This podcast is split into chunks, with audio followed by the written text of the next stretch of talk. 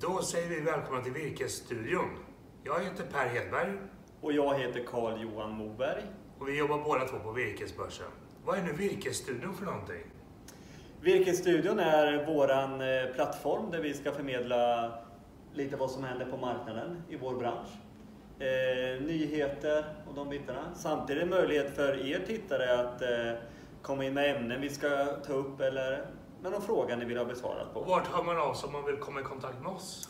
Då är det virkesstudion at virkesbörsen.se.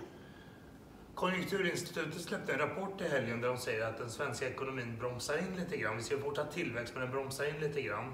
Och tittar vi och jämför kvartalssiffrorna för sågverksbolagen så ser vi att ett antal visar lägre marginaler i Q3 jämfört med Q2. Ser vi att det mjuknar någonting på virkesmarknaden tror du? Nej, men det är väl en, eh, en ganska bra analys där hur det ser ut på sågtimret just. Att det kan ha bromsat in en aning där. Däremot så massaveden eh, är ju fortfarande god efterfrågan på. Om man går in och kollar på detaljer på just på, eh, på timmerbiten så har vi haft stora, eller har stora granbarkborreangrepp nere i södra Sverige som gör att, att eh, maskinerna i skogen går för fullt för att hugga det här. Och sen samtidigt kan man inte köpa på sig alldeles för stora lager för man vet ju inte riktigt vad som händer i vår. Tänkte vi byter ämne till det här med att Canfor köper in sig i Vida. Säljer de på toppen? Ja, det får vi väl eh, se om ett halvår om det var toppen. Men, men eh, självklart är det ju så liksom att eh, det har varit en bra, bra konjunktur här liksom och då passar vi på att sälja. Samtidigt är det ju inget, inget eh, förhastat eh, försäljningsskede det här utan det är ju noga genomtänkt och de bitarna. Varför tror du att Canfor går in och köper Vida? Nej, men jag tror ju att det är ett kanadensiskt bolag då, då som sitter med en portfölj då med, med, med sågverksrörelser, de har massabruk och de har energitillverkning och de bitarna. Och så ser de ju liksom att de vill ju sprida sina risker också, att eh, gå in i Europa. Eh, och Vida då, det är ju ett fantastiskt välskött företag som haft en eh, enorm utveckling. Och vad tror du att det betyder för den enskilde markägaren att Canfor kommer in och köper Vida? Det är ändå ett företag som är van att köpa på stora kontrakt, löpande kontrakt från staten exempelvis i Kanada.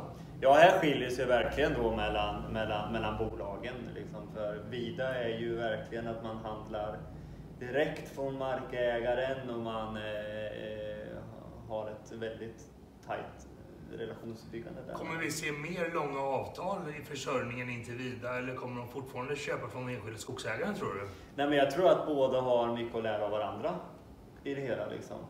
Eh, för att eh, det finns ju liksom för och nackdelar med det mesta. Liksom. Samtidigt är det ju alltid trevligt att ha en tryggad, tryggad eh, leverans i sina bruk. Canfor pratar mycket kring det här förvärvet av råvarubiten och att man är så hårt angripen utav den här eh, Beetle i Kanada. Mm. Vad ser man på råvarusidan i Sverige tror du? Ja, nej men alltså det är klart att skogen den eh, växer ju bra i Sverige och eh, visst vi har angreppet av granbarkborren och de bitarna men det är ju inte de kvantiteterna vi pratar om som har varit i Kanada. Eh, men samtidigt tror jag med råvaran liksom att vi får bättre planter där vi planterar idag, betyder, växer betydligt bättre liksom. Eh, förmodligen så kommer vi, det kortar ju omloppstiden och de bitarna. Liksom. Ser de vida förvärvet som en språngbräda i att göra ytterligare förvärv eller investeringar i Sverige tror du? Ja, men nu skapar de sig en plattform eh, och ha, ha folk på plats om man säger så. Så det blir jättespännande att se vad som skulle kunna hända. Och vilket tror du blir nästa uppköpsförvärv eller uppköpskandidat? Ja, det är jättesvårt att säga. Däremot är det ju intressant att kolla tillbaka egentligen vad som har hänt med andra sågverksbolag i Sverige då när vi ser att det är isländska ägare i Bergs idag. Eh, Siljan uppe i Dalarna. Det är tyskar som köpte det. Och några, vi ser med André Wex har också, det polska sågverksföretaget har investerat också i sågverk i Sverige. Är det här bara början på någon form av utländskt uppköp, uppköpsvåg utav svenska skogsindustriella företag tror du? Nej men alltså vi lever i en global marknad. Så att vi måste ju liksom hela tiden se vad som händer och kunna samverka. Och både liksom rent logistiskt men även då i, i affär, affären helt enkelt. Ja, men vi ser idag att det går ju tåg med fär- färdigsågat direkt från Dalarna till, till Kina till Ja, det är fascinerande. Ja, det är ju fantastiskt alltså att det går att göra sådana saker. Och på tal om globala affärer så har ju också Södra varit inne och köpt en stor skogstillgång i Lettland. Hur mycket är det de har köpt Carl-Johan? Det är ju ungefär 110 000 hektar då, total areal på det då. Och det är ju en ganska stor ökning då, för innan hade de ju 15 000. Södra kommunicerar det här som att det skulle vara ett kapital, alltså en bra kapitalinvestering för sina medlemmar att köpa skog i Baltikum. Bergvik köpte skogen för ungefär 10 år sedan för knappt 20 000 per hektar och de säljer nu för 40. Tror att vi kommer se en liknande värdeutveckling på skogstillgångarna i Lettland? Alltså värdeutvecklingen i de lettiska eller baltiska skogarna har ju varit enorm de sista 20 åren.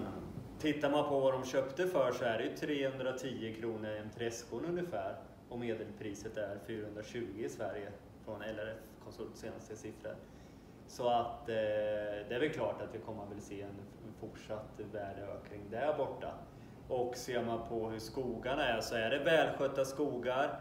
Eh, man har fått bidrag under många år för att återbeskoga och röja de bitarna. Vi har, eh, som jag nämnde innan, det är bra plantmaterial.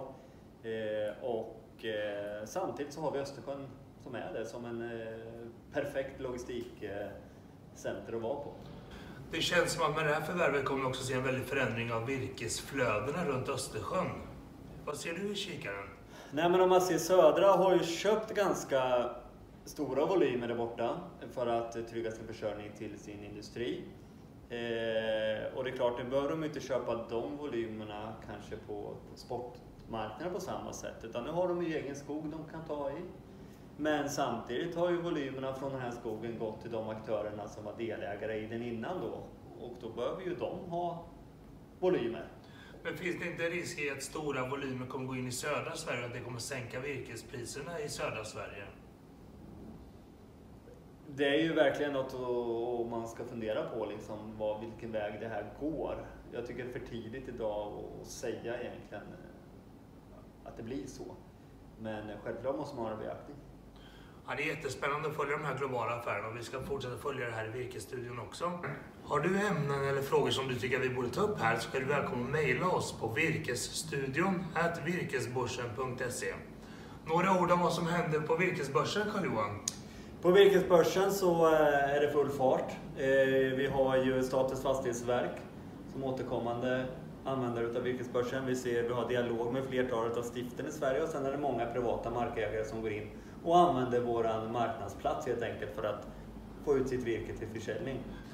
Logga in på virkesbörsen.se, jämför virkespriser, ta in anbud på dina gallringar och slutavverkningar.